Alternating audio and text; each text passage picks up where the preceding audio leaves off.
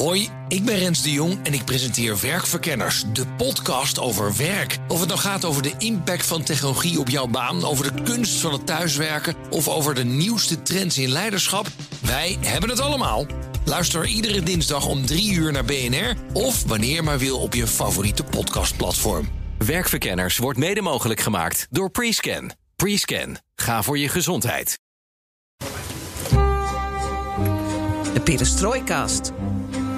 Een blik op Oost-Europa.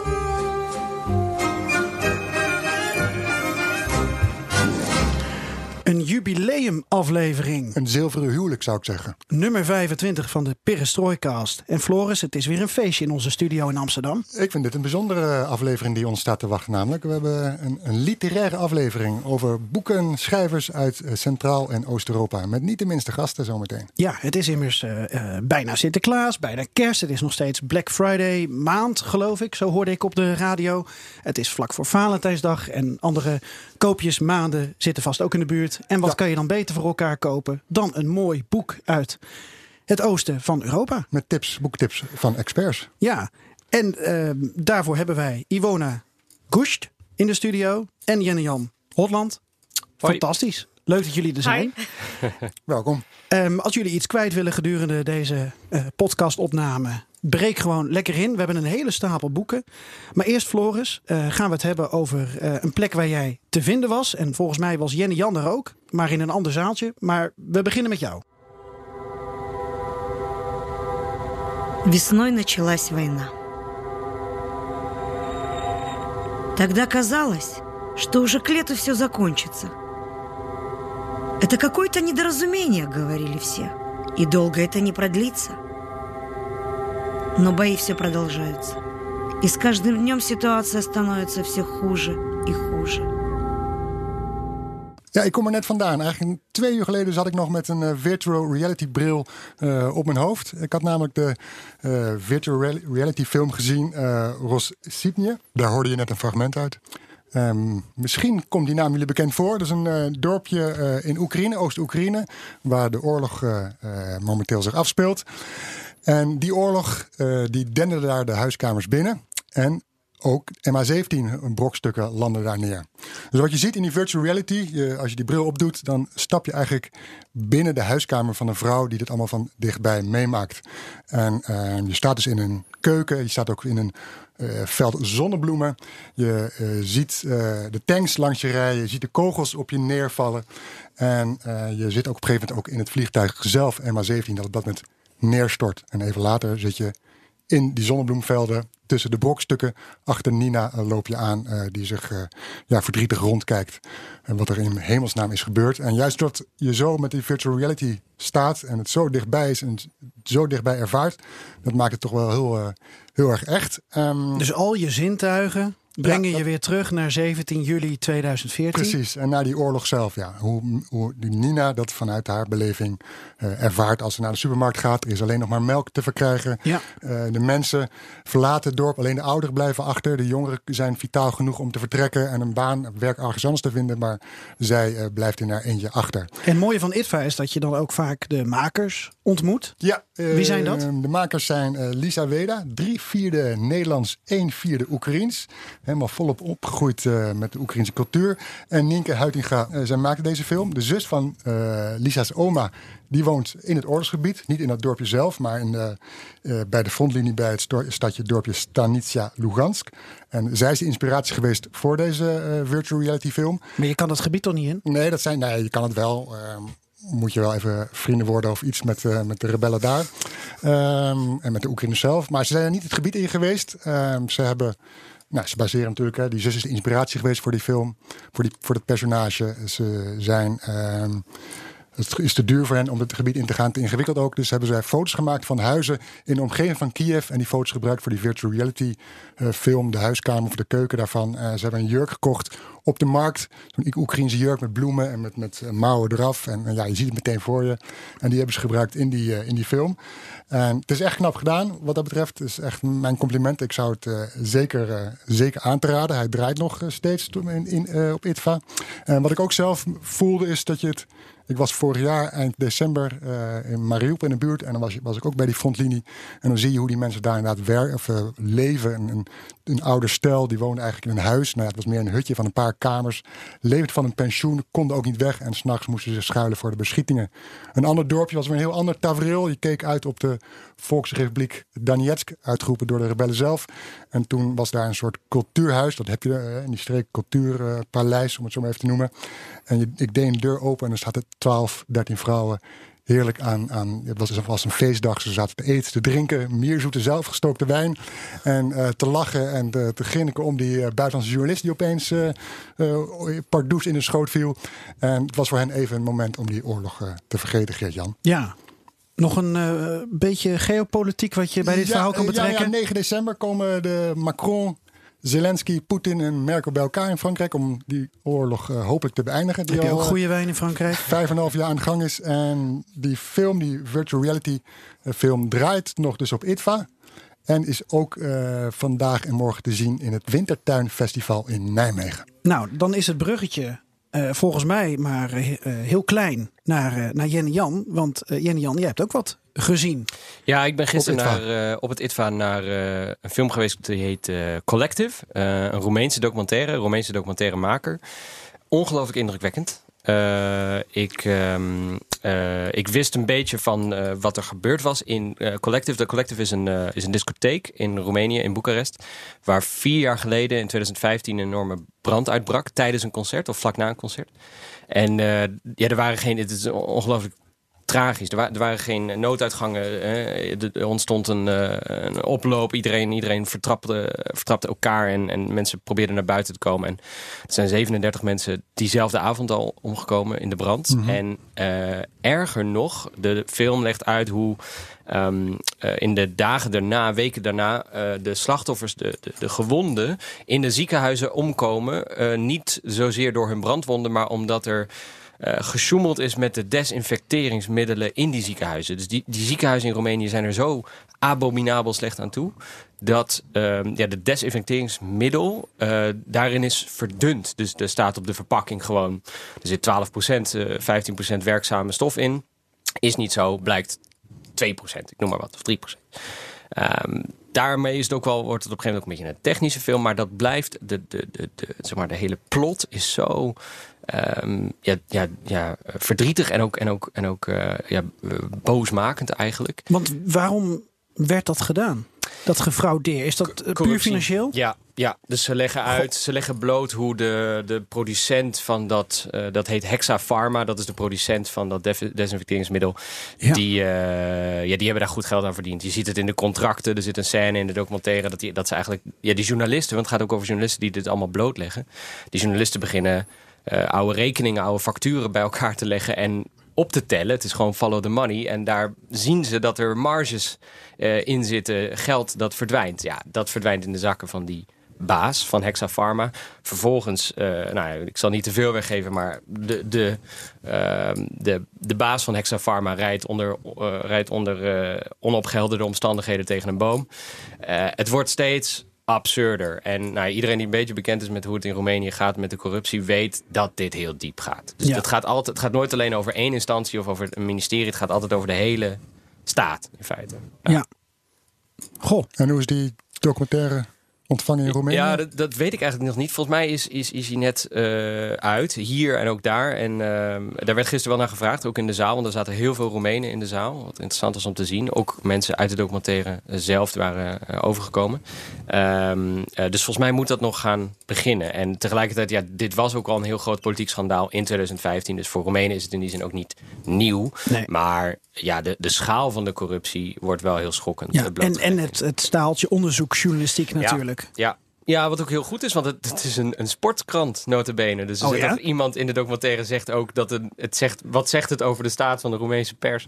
Dat een sportkrant eh, drie journalisten eh, op dit verhaal zet en dat die eh, alles blootleggen. dat is ook een soort eigen doelpunt van de media daar. ja, misschien wel. Het is, het is, heel, het is heel gek, maar, eh, eh, maar, maar absolute aanrader. Ja, Ja, absoluut. Wat goed. En, en wat zegt dat dat de gewone media, de niet-sportmedia, eh, het niet durft?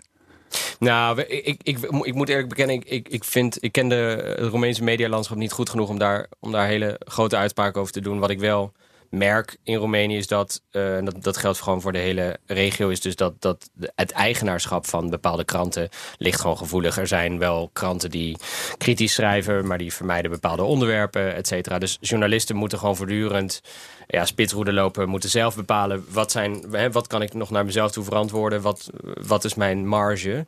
En wat mij opvalt altijd is dat Roemenen heel veel Facebook gebruiken. Dus dat Mhm. veel meer dan in Polen en Hongarije heb ik de indruk dat Facebook echt een, een katalysator is. Dat mensen gewoon die het niet, als je het niet in de krant zet, zet je het gewoon op Facebook. En Ja. ja, ja dat, dat, dan komt het toch naar buiten.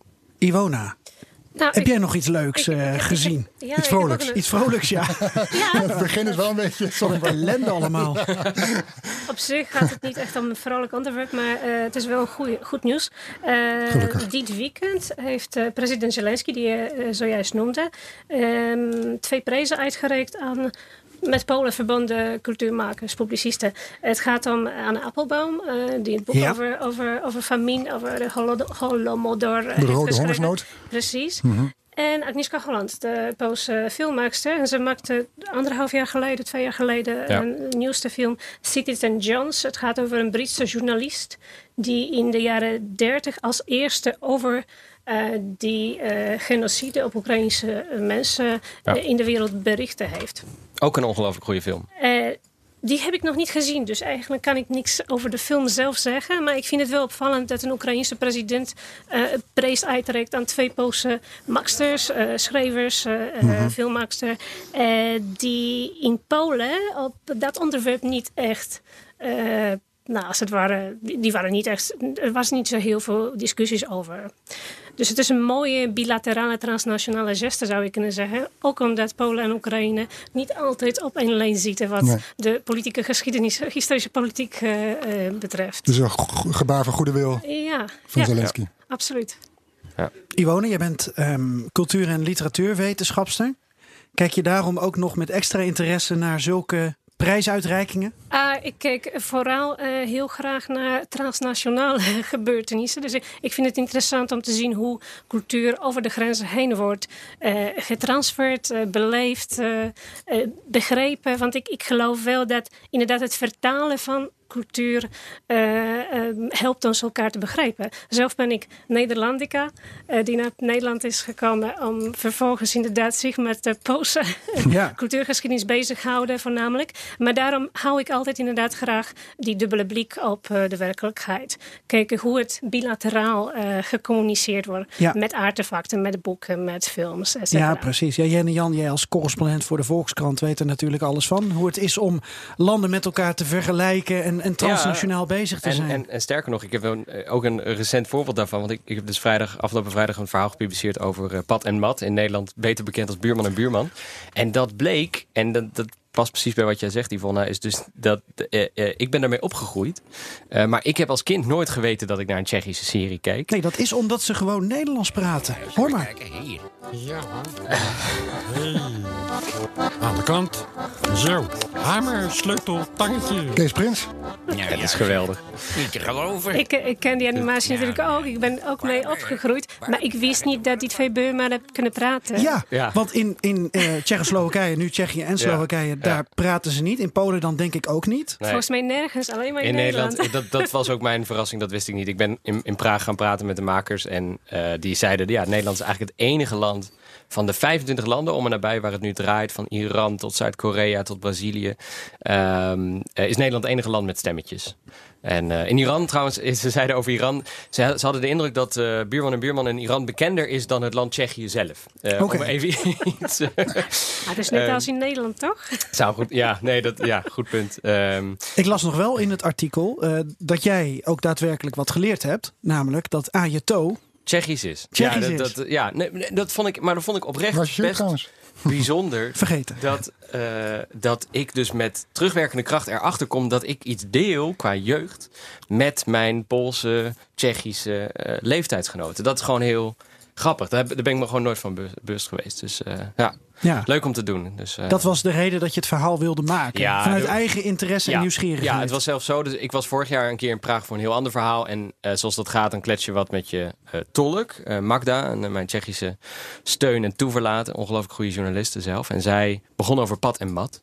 Ik weet niet eens meer hoe we erop kwamen. Maar ze begon over pad en mat. En ik, ik zei, ja, ik heb geen idee waar je het over hebt. Dus toen heb ik het gegoogeld. En eh, ik zei, ja, dat zijn buurman en buurman.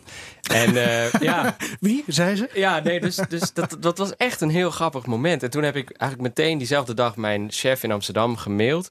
Van, eh, nou, je zult nooit geloven. Ik dacht echt dat ik iets heel bijzonders eh, had ontdekt. Je zult nooit geloven, maar buurman en buurman blijkt eh, gemaakt door Tsjechen. Waarop mijn chef diezelfde dag, echt binnen, binnen een half uur, eh, terugmailde en zei: Dat wist ik al. En dus ik dacht ook, waarom, ik voelde me echt als, hè, waarom heeft niemand mij dit ooit verteld? En eh, ik schrijf notabene over de regio, maar ik weet het niet. Dus, ehm, maar goed, al met al, ik, ik wist toen, ik wil hier een keer iets mee. En nu is er een eh bioscoopfilm over buurman en buurman uit, dus nu deed de gelegenheid zich voor. Je kan niet alles weten, Jenny Jan. Nee, Maar het is juist goed dat hij het niet weet. Het maakt hem hongerig en Ja, nieuwsgierig. ja, en nu is het ook wel echt een goede correspondent. Nu die weet dat buurman en Ja. buurman uit zijn Ja, regio ik- ik komt. kan, eh, Ah, je toch. Hey jongens, we zijn begonnen met de 25e aflevering eh, van de Perestrooikast. En eh, eh, Floris, je gaf al aan dat het voelt als een zilveren huwelijk. Wat gaan Ja. we eh, nog meer doen om dat allemaal te vieren, deze aflevering? Ja, we, we zwemmen hier in de boeken. Ik zie een stuk of tien boeken hier om me heen liggen. Alleen dat al is een feest waard, toch? Ja, om het daarover te hebben. En we eindigen natuurlijk met een lach. Dus we gaan onze verlanglijstjes gaan we even opstellen en afvinken. En dat doen we dus met eh Iwona Gusht, Poolse cultuur- en literatuurwetenschapster en Neerlandica natuurlijk. En Jenny-Jan Holtland, Volkskrant eh, correspondent in Centraal-Europa. Hij werkt ook nog aan een boek over Klaas de Jonge, een activist tegen de apartheid in Zuid-Afrika. Nou, dat boek ligt hier dus niet, maar dat zit wel in je hoofd, denk ik. Ja. Dat mag je voor een andere podcast bewaren. Zijn we totaal niet in geïnteresseerd, maar leuk dat je ermee bezig bent. Voor, voor in de kroeg kunnen we over hebben. Voor in de kroeg, prima. In het uh, Perestrooi Café. Komen we zo op? Ja, eh, Joost Bosman natuurlijk eh, voor de lach Ja, eh, op het eind. Nou ja. En, en, en je weet het inmiddels, alles ten oosten van de rivier de Elbe kan de komende weken, maanden, jaren in deze podcast besproken worden. En wat leuk is, ik kan deze tekst bijna dromen hoor. Eh, maar ik doe het nog net niet. eh, is dat wij heel sociaal en democratisch zijn. En dat je ideeën kunt, kan inbrengen via Twitter, het Perestrooikast. Of mail ons op uh, perestrooikast.bnr.nl. En we doen wat, zeker wat met deze ideeën. Want we merken van onze luisteraars uh, dat boeken goed liggen. Dus ik stel voor dat wij ons ja, als vervanger of kroonopvolgers van VPRO Boeken uh, ons gaan aanmelden. Ja, dat is wel bijzonder. In de maand dat VPRO Boeken uh, het afscheid aankondigt, komen wij hier met een literair Perestrooicafé. Over Perestrooicafé gesproken, nu ik het toch benoem. Dinsdagavond 10 december live vanuit Amsterdam BNR Perestrooicafé. De allereerste live-opname van de Oost-Europa-podcast van Nederland. Met de beste Roemeense wijnen en versnaperingen. En als gast columnist Nausicaa Marbé. Ga voor meer informatie en tickets naar bnr.nl slash perestrooicafé. Café met een K.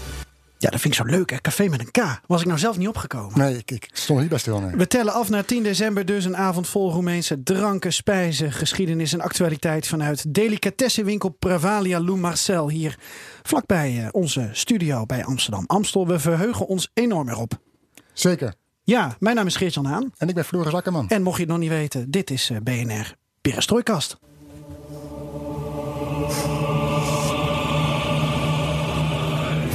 Toch leuk. En dat we een beetje structuur nog hebben voor het format. Maar goed, we gaan gelijk maar door naar het volgende land. We zijn toch al begonnen.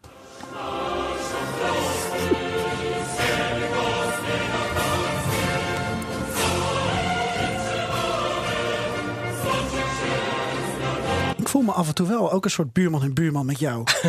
Wij wie, zitten hier een wie, beetje wie, die podcast in elkaar. Wie, wie, is dan dus de, de, de, de, de Ik heb twee linkerhanden. Ik hoop okay. dat jij twee rechter ja, hebt. Ik ben, ik ben de briljante, met de briljante ingeving. Ik zit hier met mijn inbesleutel van Ikea, waar, waar, waar, waar, ik mijn best mee doe. Maar goed.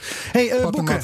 Ja, boeken. Ja. Uh, uh, ze zijn on, on, on, ondenkbaar, onmisbaar in onze podcast. Een rode draad. Over welke boeken hebben we het al niet gehad? Um, het achtste leven van Nino Haratischvili. Haratischvili. Ja.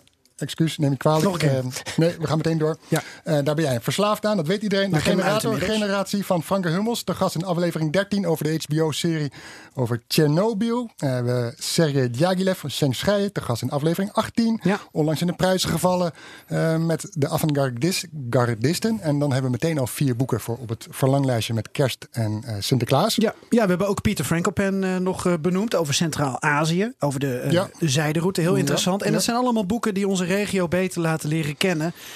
En we helpen je dus graag met je verlanglijstje voor Sint en Kerst en andere feestdagen. Welk boek uit Centraal- en Oost-Europa hoort daarop niet te ontbreken? En gratis en voor niks, zo hebben ze ons beloofd, komen Iwona en Jenny Jan dus met hun boekentips. Nou, laat ik eens eh, beginnen met Iwona. Wat lees je allemaal? Want wat een stapel heb je meegenomen. Ja, ik Allemaal voor vanmiddag, hè? Allemaal voor vanmiddag. Ik weet niet of we daar tijd voor hebben. Laten we kijken.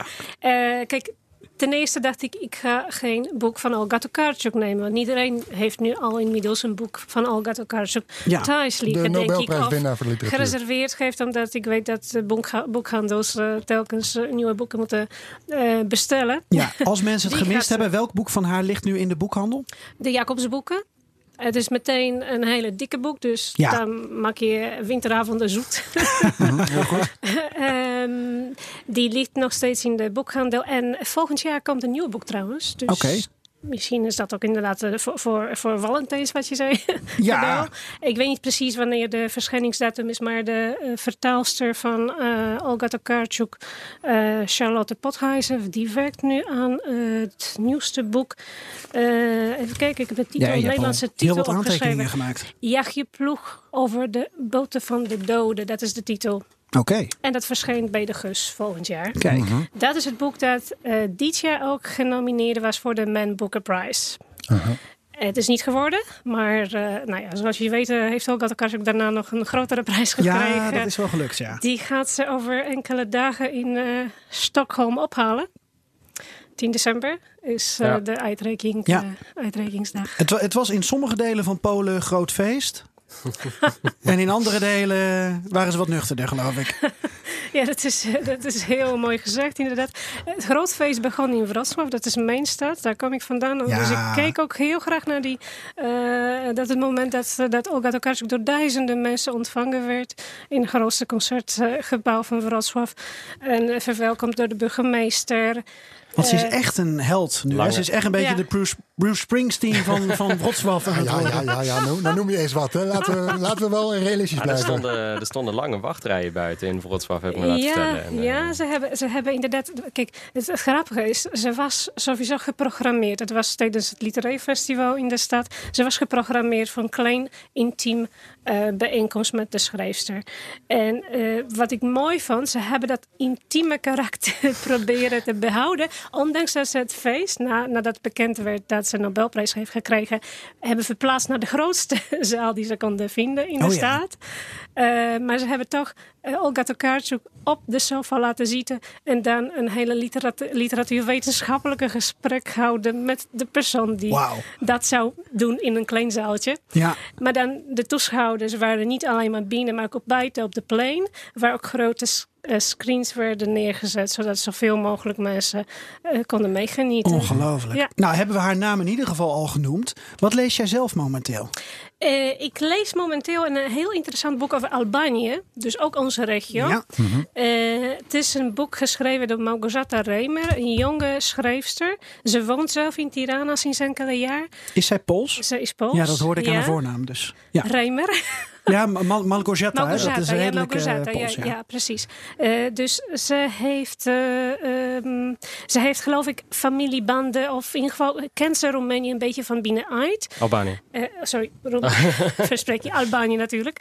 En ehm, ze, ze schreef prachtige essay-achtige reportages met veel gevoel voor eh, de zeg maar homo sovieticus experience Ja. eh, ervaring van, van de huidige Albaniërs hun eh, nostalgie naar het vroeger maar ook inderdaad hun kijk op de wereld van nu Ehm, ja, het, het- het- ik, ik, ben, ik, heb het, boek nog niet uit, maar eh, die, eh, die ben ik begonnen te lezen omdat die, dat ook een van die boeken is die dit jaar in de prijzen is gevallen in Polen. En eh Reimer heeft een eh, prijs ge- vernoemd naar Kapuscinski gekregen. Dus Oh, dat is een belangrijke non-fictieprijs voor de Poolse eh, Ja. boeken. Ja. Het zou mooi zijn als het vertaald wordt, dat boek. Dat zou heel mooi zijn, dus daarom noem ik het ook een Ja. beetje van... eh, misschien eh, luistert een van de uitgevers Dit is het moment natuurlijk om iets van een Poolse auteur te vertalen. Ja, Ja. zou ik ook zeggen. En we komen zo bij jouw stapel uit, want jij hebt eh, vijf boeken meegenomen, als ik dat zo zie. Eh, Floris heeft er drie, ik heb er één. En Jan Jan heeft er ook één. Ben Ja. ik benieuwd, is dit het boek dat je leest? Want ik zie wel een schuurpapiertje ertussen Zeker, liggen. dit is het boek wat ik nu lees. Ik wil even, eh, trouwens nog even reageren op wat Yvonne zegt. Want dat vind ik on- ongelooflijk leuk. Ik heb als kind in Albanië gewoond in de jaren negentig. Dus, eh, Dat hoor je ook niet vaak trouwens. eh, Waarom? Nee, de- de- mijn mijn vader had daar, eh, kreeg daar werk in, in 1996 en toen zijn we daarheen gegaan. En eh, ik heb er drieënhalf jaar gewoond. Al mijn Albanese inmiddels eh, vergeten. Maar eh, ja, de, de- een boek, dat, het boek dat jij nu noemt, ik wist dat zij in Tirana zat. Eh, dat wil ik ook heel graag lezen. Maar ik spreek geen Pools, ik kan geen Pools lezen. Niet goed genoeg in elk geval. Dus je hoopt dat er snel een vertaling Daarom, komt. daarom ja. hoop ik eh, uit, puur uit eigen belang dat er een vertaling komt. Maar, ehm, maar goed, maar en, en het boek dat ik zelf lees, ja, John Pfeffer ligt voor mij. Aftershock, eh, Amerikaanse schrijver. Ehm, ik ben er nog in bezig inderdaad, maar het is nu al ongelooflijk eh, goed geschreven. Eh, John Pfeffer is eh, voor OSI, dat, hè, dat, je mag het eigenlijk niet meer zeggen, maar George Soros dus. eh, voor die foundation naar Oost-Europa gegaan meteen na de val van de muur. Meteen in 19- 1989, 1990. Kriskras door de regio gereisd met heel weinig geld, maar allemaal mensen gesproken. En het interessante is dat hij al die mensen eh, ja, wat is het, eh, 25 jaar later, weer heeft opgespoord. Althans, een groot deel daarvan. Sommige bleken onvindbaar. Het boek begint ook met een eh, Bulgaarse eh, ja, ex-politicus die in 1990 eh, wilde meedoen aan de parlementsverkiezingen.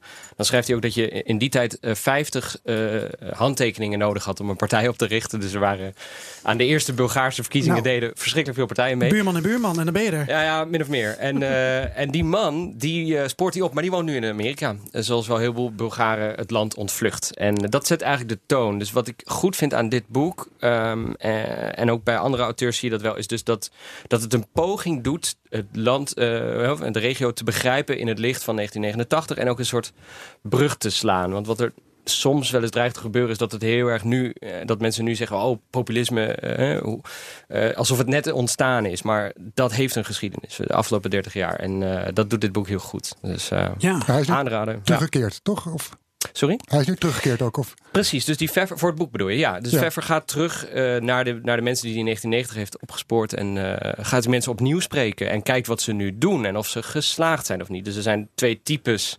personages. De ene eh, ja, is dus die homo sovjeticus waar je het over hebt, Yvonne. eh, die het gewoon ongelooflijk moeilijk vindt in het kapitalistische, noemen, hè, laten we zeggen, Polen.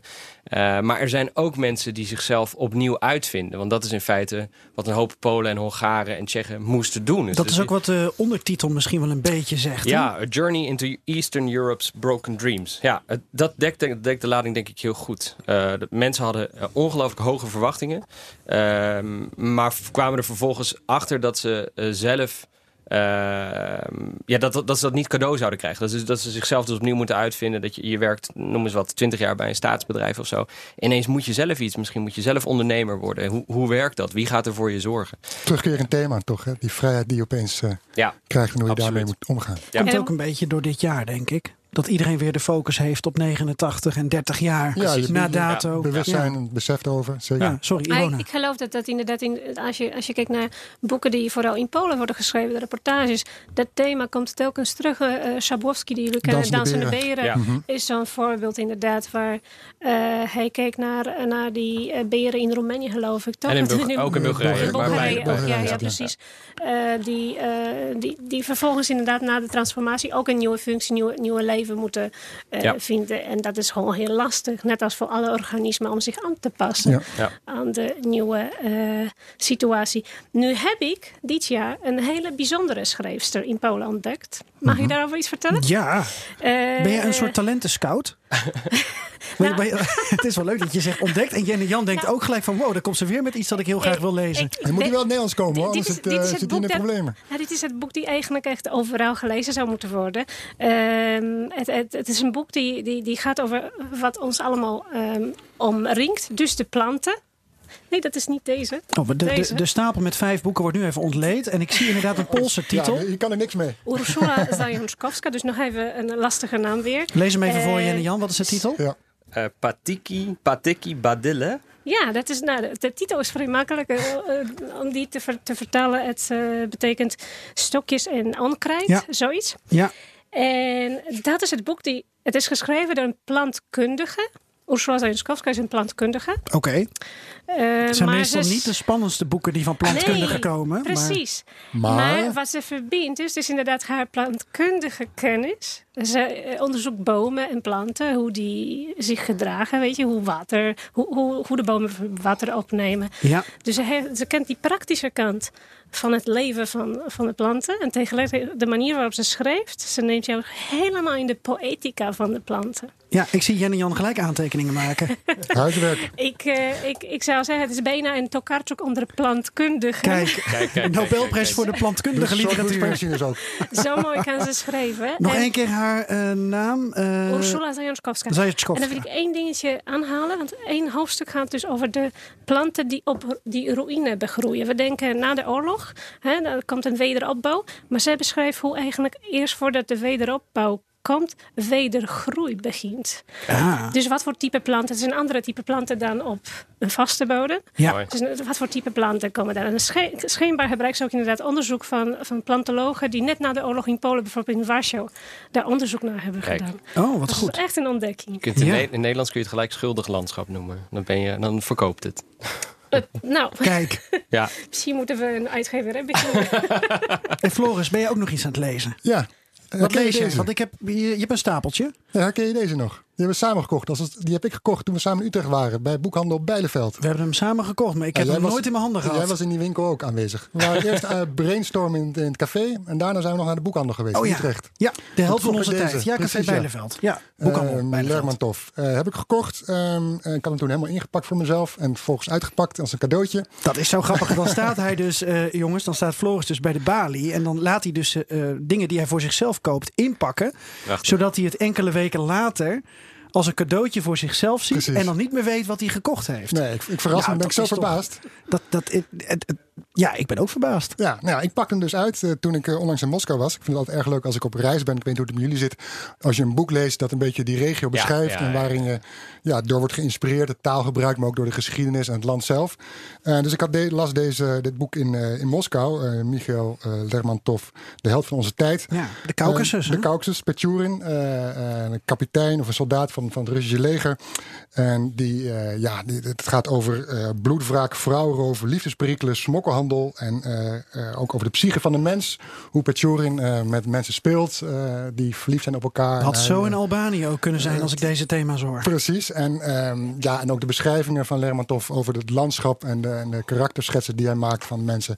Ja, ik, ik, als je dan zeker door Rusland bent, dan, dan, dan, ja, dan word je helemaal weggevoerd in dat leven in de Caucasus in de 19e eeuw. Hoe is de vertaling? Want dat is natuurlijk ook wel belangrijk. Dat weet Iwona. Je wil hem niet aan mij geven. hè? Ik wil hem even dat- aanraken. Dat, Maar is niet de minste vertaler. waarom mag ik hem niet vastpakken? Vertaald door. Ja, Hans Boland. Ja, dat is niet de minste vertaler. Waarom mag ik hem niet Oh, vastpakken? mag best. Ik, eh, Ik wilde even kijken. ik koester hem nog. Schone handen? Nee. Oké. Oké. Ja, want Iwona, eh, hoe, hoe boeken uit de regio die wij bespreken vertaald worden, is natuurlijk van enorm belang. Absoluut. Maar de vertalers die staan heel vaak, ja, toch, toch onderbelicht in het, in, het, in, het, in het kleine zonnetje. Ja, daarom, kijk, ik, ik ben dus een van die mensen. Ik zeg, eh, als, als ik iets tweet, noem ik de vertaler altijd. Ik ken een aantal vertalers en ik weet inderdaad hoeveel werk het is om een boek te vertalen en hoe vergeten ze worden. Ehm, trouwens, eh, om die reden heb ik een enkele jaren samen met een aantal vrienden vertalers een, stichting opgericht. Stichting Poolse eh, Stichting Literatura. En eh degenen die iets meer willen weten, kunnen naar de website www.poolseliteratuur.nl surfen. Nou ja, we zijn niet heel actief omdat iedereen heel druk is. Ja, Als we stagiaires hadden, eh, konden we inderdaad iets meer eh, waarschijnlijk nieuws op de website plaatsen. Maar we proberen inderdaad zo nu en dan een Poolse schrijver naar Nederland uit te nodigen. Ja. Of we houden ook een beetje in de gaten wat er vertaald wordt. Ja. Eh, wat, wat is de aanbod? Eh, nou wel weer een mooie prijs. We hadden het al even over Prins. Scheijen, die een prijs heeft gewonnen. En AI Prins won de vertaalprijs. Precies. Dus dat We doen is het goed, eh, hoor, als, in Nederland. ja, hoog niveau. Dat Ook Russisch trouwens. Ja. Ja. Eh, nu wil ik even terug naar Tokarczuk, want dit is een van Mag de ik nog even, ik wil even Geert Jans boek horen.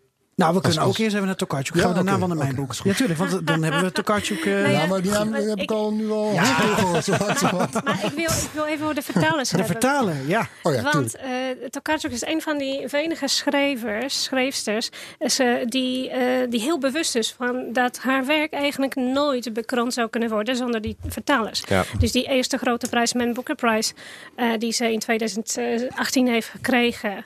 Eh, voor de rustelozen, zoals de titel in het Nederlands is. Ehm, die, die kon niet bestaan zonder de vertaler, want dat is, dat is een prijs voor de vertaalde werk Ja. voor het vertaalde, vertaalde werk. Eh, ze zet zich heel erg eh, voor de vertalers. Ze heeft nu ook een aantal vertalers uitgenodigd om samen met haar naar Stockholm te gaan. Dus die zijn aanwezig.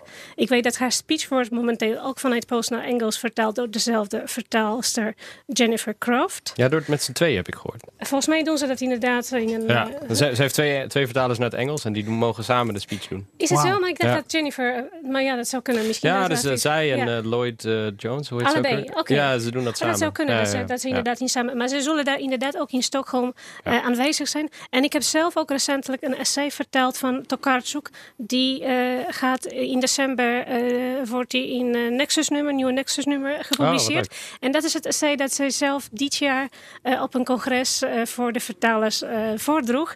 Het gaat over hoe de ver- vertalers de wereld redden. Uiteindelijk een heel mooi kijk. eh, stuk, een stukje zelfpromotie. Nee, maar voor een goede reden. Echt, ja. echt En nog één keer de mooi. Nederlandse vertaalster van Tokarczuk, Charlotte. nou, dat is nee? Karel Lesman in eerste Oh, ja? instantie. Hij heeft de meeste boeken van Tokarczuk verteld. Ehm Greet Pauleen heeft één boek verteld, De Rusteloze. En nu is Charlotte Pothuizen. Ze heeft onder Karel Lesman ehm, leren vertalen, zou je kunnen zeggen. Dus dat is de opvolger van Karel Zij Lesman. kent de Tokarczuk-stijl. Eh, ja, en ze heeft ook volgens mij aan eh, één hoofdstuk van de Jacobsboeken meegewerkt. Oké. Kijk. Want Voor- Lesman is natuurlijk de- wel de naam wat de Poolse Ja. in Nederland betreft. Ja. Maar hij kan ook eh, niet alle boeken vertalen, want de tijd is eh, Nee, en beperkt. gelukkig Dus zijn gelukkig er heel zijn wat mooie nieuwe, boeken om te vertalen. Eh, Floris, voordat ik over mijn boek Ja, heel ga beginnen. ik vind het toch wel even mooi, want we, we zetten vertalers in het zonnetje. Dat geldt natuurlijk ook voor het werk dat Jen Jan doet voor de Volkskrant. Want Jen Jan, die, eh, nou ja, dat mag je zelf ook vertellen. Jij covert ook heel wat landen. En Ja. in elk land heb jij zo de mensen eh, die voor jou Ja. de kastanjes uit het vuur halen. Ja. Misschien kan je uitleggen, want ik denk dat dat voor luisteraars best interessant is. Wat voor steun jij hebt en hoe Ja. belangrijk die mensen voor jou zijn. Ja, nou, heel, heel goed dat je dat aanstipt. Ik, ik heb laatst ook een stuk gelezen over eh, het fenomeen van de fixer en hoe, want dat is eigenlijk waar je het over hebt. Hè. We noemen dat in het jargon een fixer. Het is in de praktijk een tolk, maar het is ook iemand die je helpt in dat land. Ik schrijf over negen landen, dat is verschrikkelijk veel. Eh, en dat kan dus in de praktijk ook helemaal niet zonder die mensen. Dus in alle landen, of bijna alle landen waar ik over schrijf, eh, heb ik inmiddels wel eh, iemand met wie ik bel, met wie ik mail, met wie ik overleg. Dat begint al vrij vroeg. Dus eh, om een voorbeeld te geven, als er, als er verkiezingen aankomen in, ik noem maar wat, Hongarije. Dan leg ik natuurlijk eh, een maand of twee maanden van tevoren al contact met, in dit geval Mate Halmos, mijn Hongaarse eh, fixer. En vraag ik aan hem, wat zijn op dit moment de onderwerpen die, die gekoppeld worden aan die verkiezingen? Hoe belangrijk zijn ze? Wat, wat, wat zijn de peilingen, et cetera? En dan gaan, beginnen we al te brainstormen samen. En de beste fixers zijn ook mensen die daar dus heel proactief in zijn. En ehm, dat, dat is ongelooflijk inspirerend en, en belangrijk. Het zijn vaak ook zelf journalisten. Mate in Hongarije is nu werkzaam voor CEU, maar was vroeger journalist. Ehm, eh, Magda heb ik al genoemd in Tsjechië. Ehm, mijn Roemeense fixer Lina heb ik eh, gisteren gespot in de, in de ITVA-documentaire. Die kwam even langs. Wat grappig. Dus ja, Ja. dus het, zijn, het zijn eh, hele belangrijke mensen. Moet de naam van de fixer ook niet bij het artikel? Nou ja, dat, dat, is dus, dat, is, dat, dat vroeg ik me op een gegeven moment ook af toen ik dat verhaal las. Want inderdaad, fixers, eh, iemand vergeleken ze met Sherpa's. zoals je, de, als je de, een hoge berg beklimt. Ja, fixers doen ongelooflijk belangrijk werk. In Nederland bestaat de journalistieke cultuur eh, niet dat we die noemen. Zoals dat in bijvoorbeeld eh, in de Anglo-Saxische pers wat meer gebeurt. Dat er ofwel in de byline, zoals dat heet, dus bovenin, ofwel onderaan een Met soort medewerking van. disclaimer. Ja. ja, wij doen dat eh, bij de Volkskrant niet. Maar om eerlijk te zijn zou ik daar best voor zijn. Maar ik zou ook niet zo goed weten hè, waar dat begint. Begint dat bij ons? Begint dat bij de journalistieke cultuur als geheel in Nederland? Ehm, Nou, ik denk dat je als krant best wel in overleg met je chef buitenland. En die. Overlegt dan weer met andere afdelingen van de krant. Dat Ja. dat wel in werking kan worden Ja, getreden. het lastige is natuurlijk, het, het, het, het, het- lastige bij dit soort dingen is natuurlijk altijd van wat eh, per verhaal verschilt ook de inzet hè, van Ja. de fixer. Dus maar kan je een voorbeeld geven inderdaad? Ja, dat wou je net doen. Nou ja, dus bijvoorbeeld, ik woon in Polen. Dus ik woon in Warschau en, en met Poolse verhalen. Inmiddels eh, zit ik er drie jaar. Met Poolse verhalen heb ik natuurlijk, eh, hoe langer ik er zit, hoe minder hulp ik in die zin nodig heb. Dat, dat, dan is het natuurlijk wel zo dat met, zodra ik de stad verlaat en ik me echt niet kan redden in het Engels, dan eh, heb ik eh, echt tolken nodig. Dus dan, dan is het duidelijk. Maar er zijn ook verhalen die ik in Polen maak zonder tolk. Ehm, eh, en dan snap je, dus, dus dat, is het, dat is het lastige. Er, er zijn meerdere mensen die natuurlijk op de achtergrond een rol spelen bij de totstandkoming van een verhaal. Wie bedank je dan, wie bedank je niet? Dat is best ingewikkeld. Maar wat je zegt, ik, ik, ik, ik zou daar best voor zijn. En, Ja, als je, als ja. je verhaal echt niet zonder een fixer kan, dan kun je het op, op zijn minst toch wel noemen. ja, ja, zeker. Nou, dan hebben we die mensen ook wat eer gegeven. Ja. Want dat, dat Nog vergeten meer, we eh, best schouderklopjes uit te Nee, delen? nu mag je mij wat eer geven. Ja. Ja, ik zie alweer een bekende titel. Daar gaat hij weer. Ehm, ja, brand los. ja, de auteur is eh, hetzelfde. Nino Haratischvili. De Georgische Duitse Ah, wel een ander boek. Ik zit jonge het niet goed kon- het is een ander boek, want Ja. ik ben dit nu aan het lezen. Het is eh, een boek waarvan men hoopt dat dat ook in Nederland heel populair weer gaat worden. Het achtste leven was een enorme hit. Heel goed verkocht. Eh, meer dan 60.000 exemplaren in Nederland en Vlaanderen. Nino was ook eh, de afgelopen weken in Nederland op eh, tournee. Mhm. deed allerlei boekhandels aan. van Deventer tot Groningen en van Amsterdam tot het zuiden van het land. Dit boek kregen we van de, van de uitgever. Dat geef ik gewoon eerlijk toe. Dat deze ineens hier bezorgd werd. Omdat ik het waarschijnlijk zo vaak over haar eerste boek heb gehad. Dat ze dachten van nou, dan gaat hij het ook wel heel vaak over haar tweede boek hebben. Maar ik ga wel eerlijk zeggen wat ik ervan vind. En ik ben op dit moment op pagina 147 van de 673. Dus ik kan er eh, voor een kwart wat over zeggen. Wat ik heel erg mooi vond aan het eerste epos van eh Haratishvili was ehm, haar beschrijving van generatie op generatie op generatie. Het achtste leven, dat ging ook over de verwevenheid van alle levens in de Caucasische, Georgische cultuur, in onderdeel van de Sovjet-Unie, van Rusland, van de zelfstandigheid. En wat het dan met de mensen doet als je in eh, een gebied leeft dat telkens anders wordt Verscheurd wordt. verscheurd wordt. Maar je hebt ook je dagelijkse beslommeringen. In hoeverre laat je daardoor meeslepen? Daar zijn meerdere voorbeelden van. Ehm, ik heb toevallig ook net een Zuid-Koreaans boek gelezen, vertaald, Panchinko. Ook best bekend in Nederland. Dat was ook een, een generatie-epos. Ik hou er wel van. Dit nieuwe boek, De Kat en de Generaal. Dat speelt zich af op verschillende plekken. In verschillende tijden. Maar is wat meer gebaseerd op flashbacks. Dus dan weer is een onderdeel in 1995, dan weer in 2016. En ik ben op het punt dat ik aanvoel dat er ergens in het boek eh, een moment komt dat alle personages met elkaar eh, in contact komen. En dat ik snap waarom al die verschillende periodes zo worden eh, genoemd. Maar ik moet toegeven dat het me heel veel energie kost en heel veel concentratie om te begrijpen waarom het nou weer over, de over 1995 gaat. En waarom gaat het nou weer over 2016? Zo'n zo'n chronologisch meesterwerk, generatie op generatie, dat is dan net wat makkelijker. Dus dit vereist wat meer moeite. Hoeveel sterren, ballen, of mag je niet zo zeggen? Ik kan dat toch niet zeggen na een kwart van het boek. Maar ik wilde dit wel even noemen dat ik hier dus in bezig ben. Omdat ik het wel weer weergaloos vertaald vind. Eh, Ellie Schippers en eh, Jansje Post. Eh, als we dan toch bezig zijn. Ja, het is knap hoor. Want Nino schrijft zowel in het Georgisch als het Duits. Ehm, ik heb tot nu toe totaal geen idee, eh, of totaal niet het idee gehad, dat dit niet door een Nederlandse auteur is gemaakt. En dat is wat je wil volgens mij. Ja, ik zie Jenne Jan, die heeft Aftershock in het Engels natuurlijk. Maar eh, sommige boeken zijn het beste in de originele taal te lezen. Maar als je een hele goede vertaler of vertaalster bent, dan zorg je ervoor dat dat geen ene moer uitmaakt. Ja, Denk ik. Zeker. Het kan een boek Dat maken of is, breken. dat is het ideaal inderdaad. Eh, als, je, als, je, als de vertaler ook een stukje geschiedenis en de cultuur van, eh, van, eh, van het land kent. Nu wil ik even een van mijn boeken uit Ja, de de stapel onderste van de stapel. nemen. En dat is, eh, dat is vertaald door ge- al genoemde Charlotte Pothuizen. En precies, het is echt fenomenaal vertaald. Ja, Het is een boek van Stepan Twardog. Het speelt zich af, af ook op twee momenten. Het Interbellum, Polen, de koning heet het. jaren 30. En vervolgens jaren 70, 80 eh, Tel Aviv. Het raakt dus ook aan het Pools-Joodse eh, vraagstuk Ja, aan. Maar het is een spannend boek. het is niet een boek eh, dat wij gewend zijn eh, over de post-Joodse relaties te lezen. De, dat, het gaat over een, een onderwereld. Het eh, boek gaat even rond hier hè, door de studio. Iedereen gaat even Eh, kijken. het gaat over een, het is een verhaal van een bokser, een maffia in de staat. Shapiro. Eh, eh, allerlei eh, ehm, frappante eh, wendingen in het verhaal. Ik ga niet, niet te veel verhaal vertellen, want ik, dat is niet spannend. En het boek is spannend. Het is heel levend eh, geschreven. Charlotte Pothuizen die heeft ook boksersvereniging gecontacteerd. Omdat er ook een, aant- een aantal Ja. boksscènes in het boek eh, zijn. Om de echtheid van die scene weer Zoals- te geven. Dus dit is ook hoe een vertaler eh hoort te werken. ondergedompeld. Ja. Mhm. Zoals Twardog ook is gaan boksen voor het boek. Bij Eh, mij weten. Oh ja, Dus, dat, dat- dat, dat eh, klopt ook. Dus de schrijver is inderdaad wel geïnteresseerd Ja. in het boksen. Het is trouwens niet de enige Poolse schrijver, eh, Die bedenk bokst. ik nu, die, die bokst. Uh, Grażyna Plebanek, eh, is een Poolse schrijfster die in Brussel woont, heeft ook een bokscarrière naast Oké. haar schrijverschap. En zij heeft ook een boek geschreven, een vrouwelijke bokser. Ja, Twardog is ook nog een relatief jonge schrijver, hè? Ja, nog geen klopt. 40. Ja. Nog, ja, nog geen 40 inderdaad. Ehm, nou, dat boek is net uitgekomen bij Nieuw Amsterdam, uitgeverij.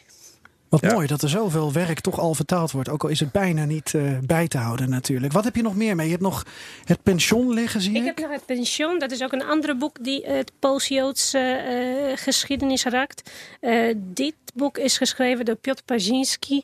eh, vertaald door, twee andere vertalers. Schrijf je mee, Jan en Jan? Dit is allemaal eh, terug te luisteren anders hoor. Maar, heb ik Ik, al. ze- ik ga ze even noemen. Sella eh Pankiv en Chef Vossen. Eh, die hebben een doorvertaling gemaakt. Ehm, het boek vertelt een verhaal van de derde generatie Holocaust. Dus kleinkind, kleinkind van, ja. kleinkind Ja. van de Holocaust eh, ehm, overlevens. Ehm, het, het is een beetje magisch realistisch, zou je kunnen zeggen, op momenten. Vooral heel poëtisch gaat hij terug naar eh, zijn eigen jeugdherinneringen. ehm, wanneer hij eh, naar het pension, een, een, een, een, een tehuis vlakbij Warschau, met zijn oma naartoe ging. En de verhalen van mensen die toen daar leefden, Joodse overlevenden, die komen terug. Oké. Dus het speelt inderdaad, het vertelt een, een eh, stukje Poolse-Joodse landschap, naoorlogse ja, landschap. Schuldig landschap, Ja. eh, wat je ook noemde.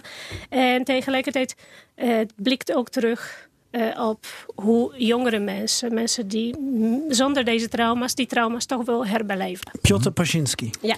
En Jan, als we het hebben over jouw regio, Hongarije, Ja. Tsjechië, Polen, welk boek daarover schrijven staat jou bij? eh, meerdere. Ik, ik heb ze niet mee kunnen nemen in de koffer, maar ik, ik kan wel een paar noemen. Ik vind het heel leuk dat je Twardog ook hebt meegenomen. Eh, Ik wilde hem heel graag spreken voor de verkiezingen.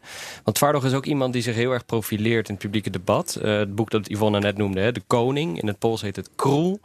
En omdat Twardog ook een bokser is, had ik al een idee van... eh, ik, ga, ik ging hem, hè, we zouden hem fotografisch zo in de boksring neerzetten. Ik zag het voor me als een reportage.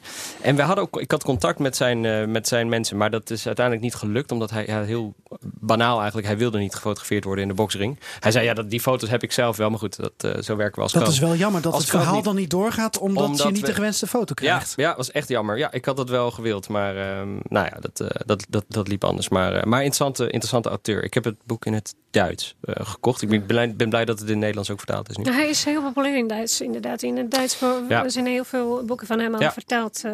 Ja, dat is een van de dingen die ik trouwens doe als het gaat over. Ik, ik heb in Berlijn ook gestudeerd. Dus eh, ja, omdat een hele hoop dingen, ook in het academische veld en zo in Nederland, gewoon ne- niet beschikbaar zijn. In de Anglo-Saxische wereld ook niet. vertrouw ik veel op Duitse academische en Duitse literatuur. Dat, of sorry, vertalingen dus inderdaad van, eh, van Oost-Europese boeken. Ehm, ja, boeken die ik ongelooflijk goed vind. eh, het zijn niet allemaal Poolse auteurs, maar ook wel. eh Roemeense bijvoorbeeld. Ehm, iemand die ik hier echt genoemd wil hebben is Michail Sebastian. Ehm, een schrijver die al lang niet meer leeft. Die eh, een boek heeft geschreven ook over het Joodse leven in de jaren 30, maar dan in Roemenië. Ja. Zelf Jood. Ja, Ehm, dat blijft een ongelooflijk populair thema ja. om over te schrijven. Maar er zijn ook zulke verhalen natuurlijk Ja, achter. en altijd actueel. Maar, maar, maar Sebastian, ehm, in Roemenië best wel gevierde auteur hoor. En hij is de laatste, de laatste 10, 20 jaar zeg maar, herontdekt in het, in het Westen. Het boek waar ik het nu over heb heet eh, For 2000 Years. Ik heb het in het Engels gelezen. Het is ook in het Nederlands vertaald. Voor 2000 jaar dus. Ehm, en Sebastian is, ehm, schrijft over antisemitisme. Maar doet dat zonder, en dat is heel knap vind ik, zonder dat het dat, ja, dat het melodramatisch wordt. Natuurlijk als je zelf een Joodse auteur bent. En het is een hoogst autobiografisch boek. Het is wel fictie. Maar ja, die ik-persoon, die Joodse, dat is een Joodse student, intellectueel, loopt rond in het Boekarest van de vroege jaren dertig. Die beschrijft hoe zijn vrienden vallen voor ideologieën. En hem eh, ineens een Joodse identiteit toedichten waar hij zelf nog helemaal niet zeker van is. Hij zegt gewoon, hè, ik ben een Roemeen. En, eh, en die pijn, die beschrijft hij dus heel invoelend. Maar zonder dat het, dat, dat vind ik knap, zonder dat het, dat, het, dat het melodramatisch wordt. Dat het een soort zelfbeklag wordt. Het is echt ongelooflijk goed. Uh, ja, Michael Sebastian dus. Dus voor 2000 Years. Dat is een absolute aanrader. Uh, hetzelfde geldt voor Herta Müller, ook een Nobelprijswinnares. Uh, ook een Roemeense. Ehm, ja, dat is een persoonlijke uh, liefhebberij van mij. Zij, zij schrijft heel invoelend over angst. Dus als je nou, ja, ik begon al een beetje deprimerend met Roemenië. Het is soms, het is niet altijd even leuk, maar ja, als je de Oost-Europese, hoe moet je het zeggen, uh, existentie en het gevoel wil begrijpen dat, hoe het is om een, onder een totalitair bewind te leven, dan, dan schrijft uh, Muller zo ongelooflijk aangrijpend over angst. En ook zij schrijft daar autobiografisch over. Zij is achterna gezeten door de Securitate in de jaren mm 70, meen ik, en 80. En is uiteindelijk naar Duitsland gevlucht. Um, haar romans zijn ongelooflijk goed. Ik heb ook haar essays gelezen. Een boek dat heet De Koning buigt, de Koning dood. Um, ook zeer aan te raden. zij won de Nobelprijs tien jaar geleden, geloof ik. Um, en uh, er is ook een prachtige documentaire over haar gemaakt, in, in Nederland. Uh, de naam is, is me even... Uh, ja, Alfabet van de Angst heet dat. Okay. Ook terug te kijken op NPO. Echt, echt ongelooflijk goed. Je bent nu via correspondent? Drie jaar, drie ja. Jaar. Drie, tweeënhalf, drie jaar. Ja. Welk, welk, boek las je ter voorbereiding? Poland van Adam Zamoyski. ja, de ja, hele ja, historie. Ja, uiteraard. Wel dus je, een onwijs goed geschreven historisch boek. Prima. Wel populair genoeg geschreven om er vat op te een, krijgen. Een prima naslagwerk. Gewoon de hele Poolse geschiedenis uh, doornemend. En dat is uh, belangrijk en, en, en goed. En ook ingewikkeld door. Want uh, het valt mij natuurlijk altijd op hoe groot de, de kloof is. in, in, als het gaat om educatie en zo. Hoe weinig we van elkaar weten. Ik als West-Europeaan, als Nederlander weet. van, vanuit onderwijs in elk geval heel weinig over, over Oost-Europa. Dus ik heb, ik heb veel moeten lezen en doe dat nog steeds. Zamoyski is een hele fijne auteur. Um, ik heb de poëzie van Szymborska natuurlijk meegenomen. Uh, uh -huh. Prachtige gedichten, noem ik weer een Nobelprijswinnares. Ja, ja er zijn er vele. um, ja, en uh, een boek dat ik dit jaar heb gelezen en ook heb gebruikt in een uh, reportage van mij is een boek dat ook in Nederland is verschenen. Dat is de nieuwe biografie van Witold Pilecki. Non-fictie. is een, um, een biografie van Jack Fairweather, een Amerikaan die uh, uh, ja, gepresteerd heeft om eigenlijk die figuur Pilecki... en Pilecki was een verzetstrijder in Polen... die op ongelofelijke wijze Auschwitz heeft geïnfiltreerd... en daar levend uit is gekomen. Uh, dat boek brengt Pilecki naar het trekt hem naar het heden... en maakt, hem, maakt, hem, ja, maakt het heel invoelbaar hoe dat hoe dat is. Um, ook zo, een boek zonder opsmuk. Het is gewoon heel goed verteld. Het, is, het leest als een soort thriller. Dus ik zit eigenlijk ja, te wachten die, op de... Die auteur zegt, dat is wel heel interessant. Dat is een oorlogsjournalist. Ja. Dus hij kijkt natuurlijk vanuit... Jack Fairweather. Ja, Ja. vanuit zijn vak kijkt hij naar, Ja. naar een historisch figuur. Ja. En dan probeert hij inderdaad eh, begrip eh, te krijgen, vat te krijgen op hoe zo iemand in de kampen en in het Ja. ondergrondse en, heeft en hoe die het gefunctioneerd. doet. Ja, ja. Eh, maar we, we, we hebben het over fixers gehad. Dus Jack Fairweather die spreekt geen Pools. Hij heeft heel veel Poolse onderzoekers. Klopt. Ja, dat viel mij ook op inderdaad. Als je achter in het boek... Om eh, inderdaad die Poolse archieven en allerlei Ja. bronnen door te spieten. Dus dat is ook weer een soort van... Weet je, we hebben soms inderdaad een bekende naam nodig om, Ja. Ja. om het verhaal te vertellen. Dus dan een Britse ju- oorlogsjournalist is, is eh, heel Ja. belangrijk. Maar daaronder werken ook Ja, allerlei Het mensen. dankwoord, het dankwoord was lang, Heel lang, herinner ik me in het ja, boek. ja. Ja. nee, absoluut. Hij heeft een heel groot team eh, gebruikt. En, ehm, ja. Floris, we hebben het over boeken in eh, Centraal- en Oost-Europa. Eh, we gaan zo nog een favoriet van Iwona erbij pakken. Want dat is gewoon een enorme stapel wat ze bij zich heeft. Maar jij bent natuurlijk een beetje ons Rusland-kenner hier. En ik zie een boekje liggen dat ik nog wel herken van Ja. vroeger. Oké, hè? heb je het ook gelezen? Ik heb het gelezen, ja. Ja. Lang geleden. Ja, lang geleden. Boris van Jaap de Haar. Uh, en, en, ik heb twee boeken. Met die, illustraties. Ja, prachtige illustraties. Uh, dat gaat ook voor zometeen een ander boek dat ik graag wil laten zien. Um, er zijn twee boeken in mijn kindertijd, toen ik tien jaar was, Kleine Floris, die ik las, uh, waar die mij de ja, Rusland-liefde aanwakkerde en alle interesse in die regio ja, alleen maar, uh, ik werd alleen maar nieuwsgierig door.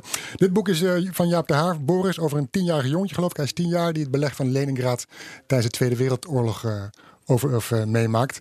En uh, ja, hij maakt allemaal. Uh, dus, dus hij probeert te overleven. Hij, om zich heen ziet hij zijn beste vriendinnetje die overlijdt uh, als gevolg van ja, gebrek aan eten.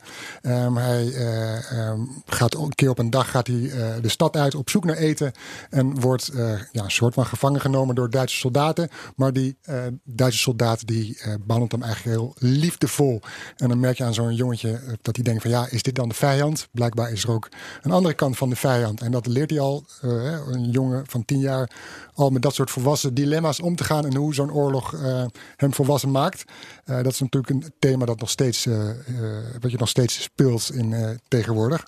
Het andere boek dat ik lees, en dat doet me ook een beetje denken aan het boek dat ik al, de helft van onze tijd, wat ik al, dat ik al noemde, omdat ook dit boekje helemaal meeneemt in een andere tijd met andere ja, geuren, kleuren. Jules Verne. Mag ik even ruiken dan? Ja, deze stinkt waarschijnlijk. Zo, die ruikt naar ja, stof. Oud. Gewoon oud. Die oud. ruikt naar oud. Ja, ja. Jules Verne, uh, Michael, Michael Strogoff, de koerier van het tsaar. Uh, het gaat over uh, een, de tsaar moet een brief zien te krijgen in Irkutsk, waar zijn broer woont. En die Irkutsk, de stad ver diep in Rusland, wordt belegerd door Tataren. En die broer, die, broer, die ja, zijn leven staat op het spel. Want als die Tataren Irkutsk innemen, dan is het einde van het leven van die broer. dus er moet een belangrijke brief van Moskou, van de tsaar, naar zijn broer worden gebracht. En daarvoor heeft hij een koerier in dienst genomen die die brief uh, moet bezorgen. En ja, dat wordt een, een tocht door heel Rusland, langs de Oerol, door Siberië, uh, met ja, door Perm, Nizhny Novgorod, Omsk, Tomsk, allemaal sprookjesachtige namen die ik vroeger ja verbeeld van wat is dat voor Ja. een wereld? Uh, Russen, Kalmukkiërs, uh, Kirgizen, Tataren, wat zijn? Kalmukkiërs. Ja, Kalm- Kalmukken. Ik weet niet of het, wat, wat precies de officiële benaming is, maar ja, een fantasie, sprookjeswereld die mij alleen maar meer deed verlangen van wat gebeurt er allemaal zo ver en onbekend. Ja. En, en daar wil ik meer van weten. Eh, Ik ben wel even benieuwd, Iwona, uh, wanneer ben jij naar Nederland gekomen? Uh, 15 jaar geleden. Oké, okay. mag ik heel onbeleefd vragen hoe oud je toen was? Moet ik even je hebt je, je, je jeugdjaren in Polen Ja, ja, doorgebracht. ja, ja, ja. Ik, was, ik was meer dan 20. Ja, meer dan 20. ja. Dat vind ik een goede omschrijving.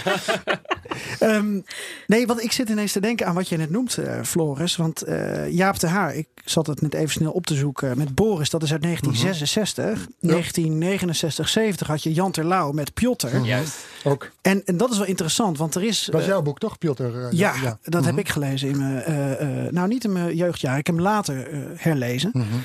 Maar ik zit wel te denken van wij hadden toen wel in die uh, Koude Oorlogjaren een bepaalde fascinatie voor, voor Rusland, voor de Sovjet-Unie. Volgens mij, ik kan me niet herinneren dat er iets was dat we hadden met de landen in het Warschau-pact. Afgezien van buurman en buurman. um, toch Jenne Jan? Ik zit ook even als, als collega dertiger denk ik uh, naar je te kijken. Nee, nee, niet dat, nee niet, niet dat me zo te binnen schiet. Nee. Nee, ik zou niet maar wat deed Piotr dan met jou? Nou, dan vond ik het heel interessant. Ook omdat Jan Terlouw nog leeft. Mm -hmm om na te denken over hoe Jan Terlouw, toen hij uh, van mijn leeftijd was, begin 30, dat boek schreef over uh, Piotr in een Rusland van eind jaren 60. Mhm. Mm uh, met een, een, een, een Sverdlovsk, wat later weer hernoemd werd en daarna weer hernoemd werd. Mhm. Mm -hmm. en, en Piotr die aan de wandel gaat door Rusland en Siberië. En de fascinatie voor dat gebied om dan toch mensen te leren kennen. Even buiten de taal, die heel anders was 50 jaar terug. Want zo oud is het boek dan dus. Ik vind dat interessant dat er toen een bepaalde fascinatie was voor, voor Rusland, voor de Sovjet-Unie. Die mensen denk ik nu nog steeds wel hebben. Het onbekende, uh, ja. ook wel het onbeminde misschien. Um, maar ik zat me af te vragen hoe dat dus met Polen eventueel zou zijn. Ja, ik, ik, ik weet niet, Iwona, kan jij herinneren hoe in jouw uh, kinderjaren, jongere jaren, was er een land uh, waar je veel over las, waar fascinatie voor was? Kijk, uh, ik, ik ben natuurlijk wel opgegroeid tijdens de transformatie. Dus Ja. veranderde van alles. Dat is mijn eh, sterkste herinnering. Dat we opeens nieuwe boeken op school kregen. Ja. En die leraren die werden enthousiast over bepaalde namen die ze opeens open mochten benoemen. Zo kregen we bijvoorbeeld Gombrowicz eh, op school weer. Ja. eh, een- ook een belangrijke Ook post. geen En ik reed- Nobelprijswinnaar, toch? Nee, nee, geen. Heeft hij niet gewonnen? Nee, Oh, oké. hij was wel heel lang eh, genomineerd. Maar hij Ja, is in, dat was een beetje de Harry Mulisch van... eh, Steeds notenboom. Weet je wel, maar hij is in 69 overleden. Het is een beetje vroeg. En ja, dus, nou ja, nee, lastig. Hij, hij viel dus niet, net niet op tijd. eh, Nee. eh, maar goed, ehm, ik, ik geloof dat eh, wij, dus mijn generatie, die stond nog met één been in de Sovjet-Unie. En de curriculum, school, schoolcurriculum door de Sovjet-Unie bepaald. Hè, dus het leren van Russisch. En tegelijkertijd kregen we nieuwe eh, vreemde talen. Ik kreeg Duits op school en we gingen kijken naar de buitenlandse televisie opeens. En dan meer dan alleen maar Tsjechische, Tsjechoslowaakse eh, animaties. Maar gewoon echt Duitse, Engelse films, Amerikaanse films. Dus het stond van alles. Het gebeurde van alles. In die opening zorgde ervoor dat het niet één land in de picture Oké. stond. Niet één regio, maar eigenlijk alles. Een soort van nieuwe globaliteit. Ja, ja eh, heel die zich interessant. opende. Ja. Ja. Maar Eh, van Nederland wist ik niet zo heel veel, moet ik zeggen. Nou, dat valt me dan weer heel erg tegen van de in de mensen in, jaren eh. 90, in de jaren 90 heb ik eigenlijk wel Johan van der Keuken leren kennen. Ik bedoel, als de filmmaker, zijn documentaires. En dat was mijn eerste fascinatie met Die Nederland. naam zegt mij even niks. Een, een, een eh, Amsterdamse documentairemaker, Johan van der Keuken. Hij maakte heel veel documentaires over de hippies in Amsterdam. En Oh. Ja, ja, ja. dat, dat bepaalde mijn beeld toen van eh, Nou, ik leer weer wat van jou over Nederland. Dat is ook eh, eh, mooi. Ehm, Oké, we gaan hem afronden. We willen even van jullie... Nou, je hebt nog één boek liggen, Ivone. Even kort. Ja, Helft Ja, vaderland. En dan wil ik ook nog een boek noemen. Ja, en noemen, Jan want Ze staan te dringen. Deel 2 komt eraan hoor.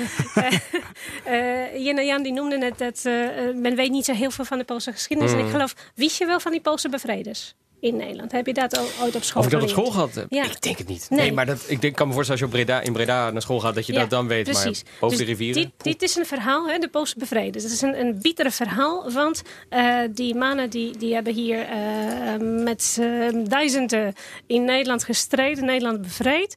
En vervolgens werden een soort van stateloze wezens. Want ze Ja. konden niet terug naar Polen. Nee, nu Eh, 75 jaar geleden precies. dat nu ze was, Breda en andere eh, gemeenten daar hebben bevrijd. En, en- maar nu is het inderdaad breed uitgemeten in de publieke media. Maar daarvoor eh, was altijd een, een, een, item onder Ja. de noemer De Vergeten Bevrijders. En eh, er is een schrijfster, Miriam Gunsberg, wiens vader ook eh, een van die bevrijders was.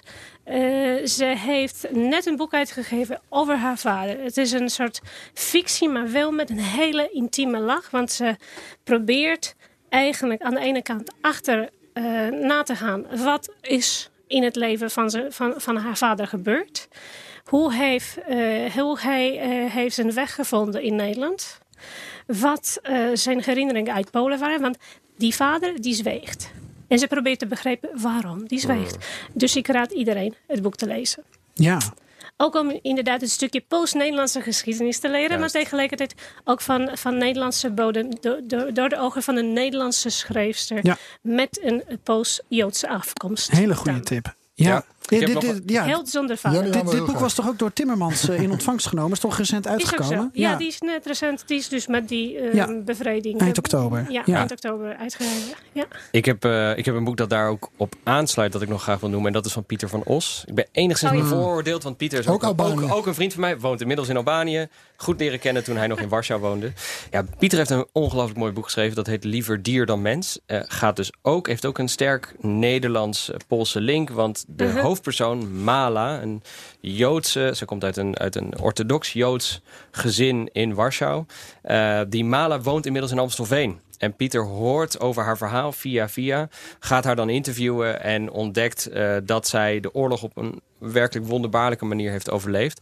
Namelijk door te schuilen bij allerlei gezinnen, waaronder een, ja, een natiegezin, een, een gezin, een burgerlijk, burgerliches eh, gezin in Duitsland dat gelooft in het, uh, in het nazirijk. En ehm, zij doet zich voor als een volksdeutsche. En wordt ook geloofd omdat ze blond haar heeft en, en blauwe ogen terwijl, uh, terwijl ze Joods is. En dat verhaal, de ondertitel is geloof ik een, een overlevingsverhaal. Dat verhaal legt dus uit hoe je overleeft en, en wat, wat antisemitisme is. Het gaat over de geschiedenis in Polen. Zij, ja, Pieter reist haar eigenlijk achterna, want ze komt, eerst komt ze terecht in het, wat nu het grensgebied tussen Polen en Oekraïne is. Um, daarna, nou goed, uh, allerlei omzwervingen dan in Duitsland en uiteindelijk belandt ze dus in Nederland. En uh, heel, heel, heel, heel bijzonder verhaal, uitgegeven bij Prometheus. Liever dier dan mens. Heel goed. Ja, we moeten uh, uiteindelijk ook op onze website en op de sociale media een lijstje gaan opstellen. Er komt allemaal leesvoer, tips Wat er allemaal voor onder de boom kan. Kun je nog even deze vraag aan Jenny Jan stellen? Ja, Want jij hebt uh, bepaalde informatie volgens ja, mij. Ja, dat was heel eenvoudig, heeft hij zelf verteld. Um, hij voelt de druk van zijn uitgever om met een boek te komen over Polen. ja. Wat, wat, wat... Uh... Nou, kijk, in, mijn uitgever is, is Joost Nijssen van uitgeverij Podium. Ik, ga, ik schrijf dus inderdaad momenteel een boek over Zuid-Afrika. Iets totaal anders. En natuurlijk komt dan ook ter sprake goh, uh, moet er niet op een gegeven moment een Polenboek komen? Ik hou dat voorlopig af. Om de simpele reden dat ik geloof in boeken die gedragen worden door personages. Dus ik zeg altijd, hè, als ik een Pool tegenkom van wie ik het gevoel heb, jij bent een boek. Ja, mm -hmm. ik ben daar vrij streng in voor mezelf. Ik Kunnen ze zich melden bij nou jouw ja. fixer? Of, uh... zeker. Maar het mag ook een Hongaar zijn. Het mag ook een Hongaar zijn, okay, absoluut. We verbreden iets de mogelijkheden. Nee, nee, zeker, zeker. Dus ik geloof, dat, dat geldt ook voor dat boek over Zuid-Afrika. Dat gaat over één man, een Nederlander, Klaas de Jonge. En ik geloof in, in boeken die gedragen worden door bijzondere levensverhalen. Mhm. En, en die, door, die, hè, door de ogen van die mensen wil ik een verhaal vertellen. Dus dat, zo iemand heb ik nog niet, uh, ben ik nog niet tegengekomen. Daar, daar moet ik wel bij zeggen. Ik heb al even genoemd dat ik zelf 3,5 jaar in Albanië heb gewoond als kind. En dat is wel boeiend. En daar, soms denk ik wel eens dat daar een boek in zit. Want uh, wij zijn geëvacueerd. In 1997 brak de burgeroorlog uit in Albanië.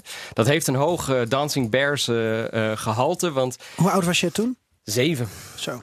Uh, ja, en uh, kijk, als kind vind je, dat, vind je alles prima. Je gaat naar opa en oma in Nederland. We zijn toen drie kwart jaar in Nederland geweest voordat we terug konden naar Albanië. Alle buitenlanders werden ook geëvacueerd.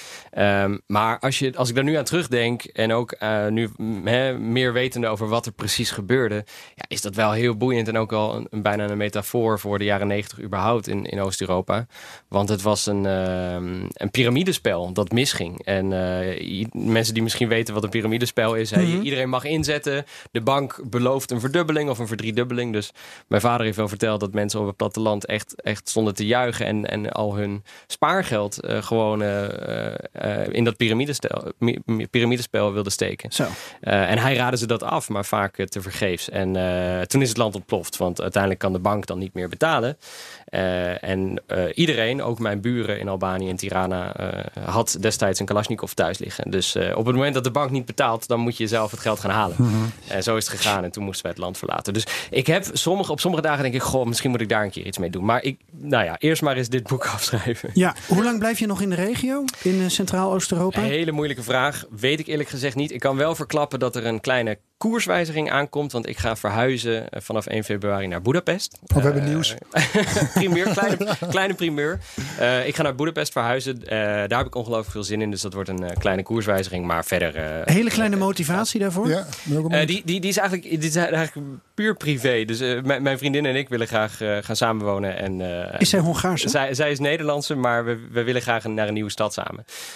Warschau is heel erg mijn stad geworden. En we willen naar een neutraal terrein. We willen naar een plek die we Mooi allebei nog niet stad zo... ontdekken. Ja, we willen naar een plek die we allebei nog niet zo goed kennen. Ja. En Okay. Budapest is, uh, is zo'n plek. Dus, en uh, uh, Kloes was geen optie blijkbaar. Mooie stad. Yvonne, heb jij, zou jij graag een boek willen schrijven of vertalen? Nou ja, eigenlijk ben ik bezig met een onderzoek voor onderzoek naar voor een nieuw boek. Dus dat is eigenlijk ook een soort van primeur, zou ik kunnen zeggen.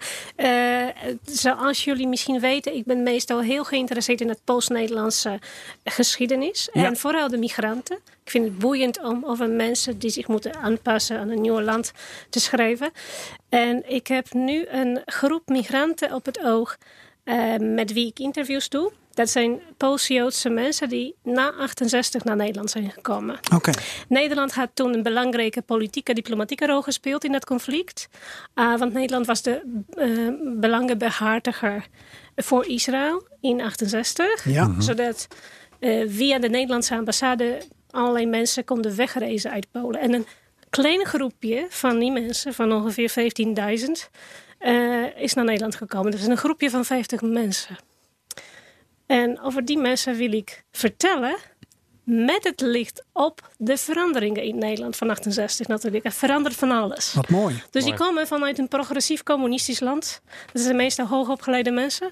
En dan komen ze hier midden in die verandering te staan. Ja, dat is ook wel bijzonder. Dat is iets waar ik eh, aan het werken ben. Maar goed, dat duurt nog even. Dat is voor een volgende Sinterklaas. Nou, dat Denk is ik. Een paar Sinterklaas. misschien over twee jaar. Ik weet niet hoe lang het eh, Ja. gaat duren. Dat Jongens, wat een, wat een fantastische tips allemaal. Wat een ongelofelijke mooie leeslijst hebben we samengesteld. Ik zou bijna denken dat het verlies van VPRO Boeken hiermee wordt opgevangen. Ruimschoots. Ja, dat is natuurlijk wel, eh, wel, wel, wel, wel een krasje. Hè? Wel jammer dat dat stopt. Heel jammer. Volgens mij moeten we allemaal tekenen. We, er is Oh een ja. oproep. En eh, we tekenen dat het niet verdwijnt. Ja, nou. En, Dat dan, moeten we zeker doen. en voor onze regio eh, zullen we dit eh, gaan herhalen. Heb jij nog schrijversambities, Floris? Ehm, die hou ik nog even onder de pet. Die hou je onder- hou je van- ambities ga je zelfs niet prijsgeven. Nee. Laat ik hou nog te veel van de journalistiek om echt een boek te verdiepen. Oh zo. Oké, het kan ook samen gaan. Kan. Kijk naar Jenny Jan. Ja, maar ik ben Jenny Jan niet. Daarmee eh, sluiten En jij we. dan? En jij dan? Ik heb wel een ideetje. Oké. Maar ik vind ook, het wordt zo vaak eh, tegen mij gezegd, omdat blijkbaar wordt er ook van journalisten soms verwacht dat je een boek schrijft. gevraagd, ja. Dat ik, dat ik denk, hou eens op. Ik Ja. doe mijn huidige werk, daar wil ik heel veel energie in stoppen. Mhm. En het kost ongelooflijk veel tijd en energie om een boek te schrijven. Ja. En daar wordt soms te makkelijk over gedacht. En je moet ook een onderwerp hebben waar je zo begeisterd door Juist. bent. Ja. Dus, Tenzij eh, je een kookboek wil schrijven. een kookboek, ja. Nou ja, dat, dat, dat- laten we voorzichtig beginnen, Geert-Jan. Samen een kookboek. Perestrooi kook. Ja, we hebben, Jullie hadden een leesje, toch? ja, we hebben patent Ja. op perestrooi kaas. Oh ja. Daarmee zouden we een, een, een, een kookboek kunnen samenstellen. We hebben een lijstje van gerechten, maar daar moet je absoluut niet eh, mij als kok eh, bij eh, betrekken. Ja, ik kook, jij proeft. Dat Oost- lijkt me een, eh, Oost-Europese fusion. eh, we gaan een volgende aflevering hierover maken. Heel hartelijk dank dat jullie hier wilden zijn en we deze leeslijst voor Sinterkerst en alle andere feestdagen wilden samenstellen met ons. Eh, dank aan Iwona Goscht en Jenne-Jan Holtland. En eh, Graag gedaan. tot een volgende feestdag. Dank jullie wel. Dankjewel. Beste Joost, fijn Ja? dat we je aan de lijn hebben. We zijn heel benieuwd naar jouw mop van deze week. Ja, ik heb begrepen dat jullie een eh, literaire uitzending hebben. Nou, ik heb geen literaire mop, maar ik kan een mooi bruggetje maken. In de Russische literatuur, weet je, gaat het altijd over de ongrijpbaarheid van de Russische ziel. Hè? Met het verstand kun je Rusland niet begrijpen, wordt er hier wel eens gezegd, of zelfs vaak. Nou, daar heb ik een, eh, een, een mop over. Hij is heel kort. Ehm, er staat een huis in brand hier in Rusland. En de brandweer komt eraan om te blussen.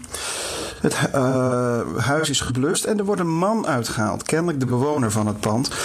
En de commandant komt naar de man toe en zegt: Meneer, hoe is deze brand nou ontstaan? Waarop de man zegt: Ik heb geen idee. Het stond al in de brand toen ik naar binnen ging.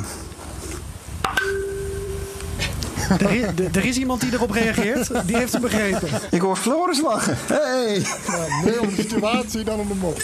Oh, toch? Ja, Moppen moet je wat niet denk ik wel? uitleggen, maar kan je toch een poging wagen? Nee, nee, dat zeg je. Moppen moet je niet uitleggen. Je kunt het eh, eh, verstand, eh, Rusland niet met je verstand begrijpen.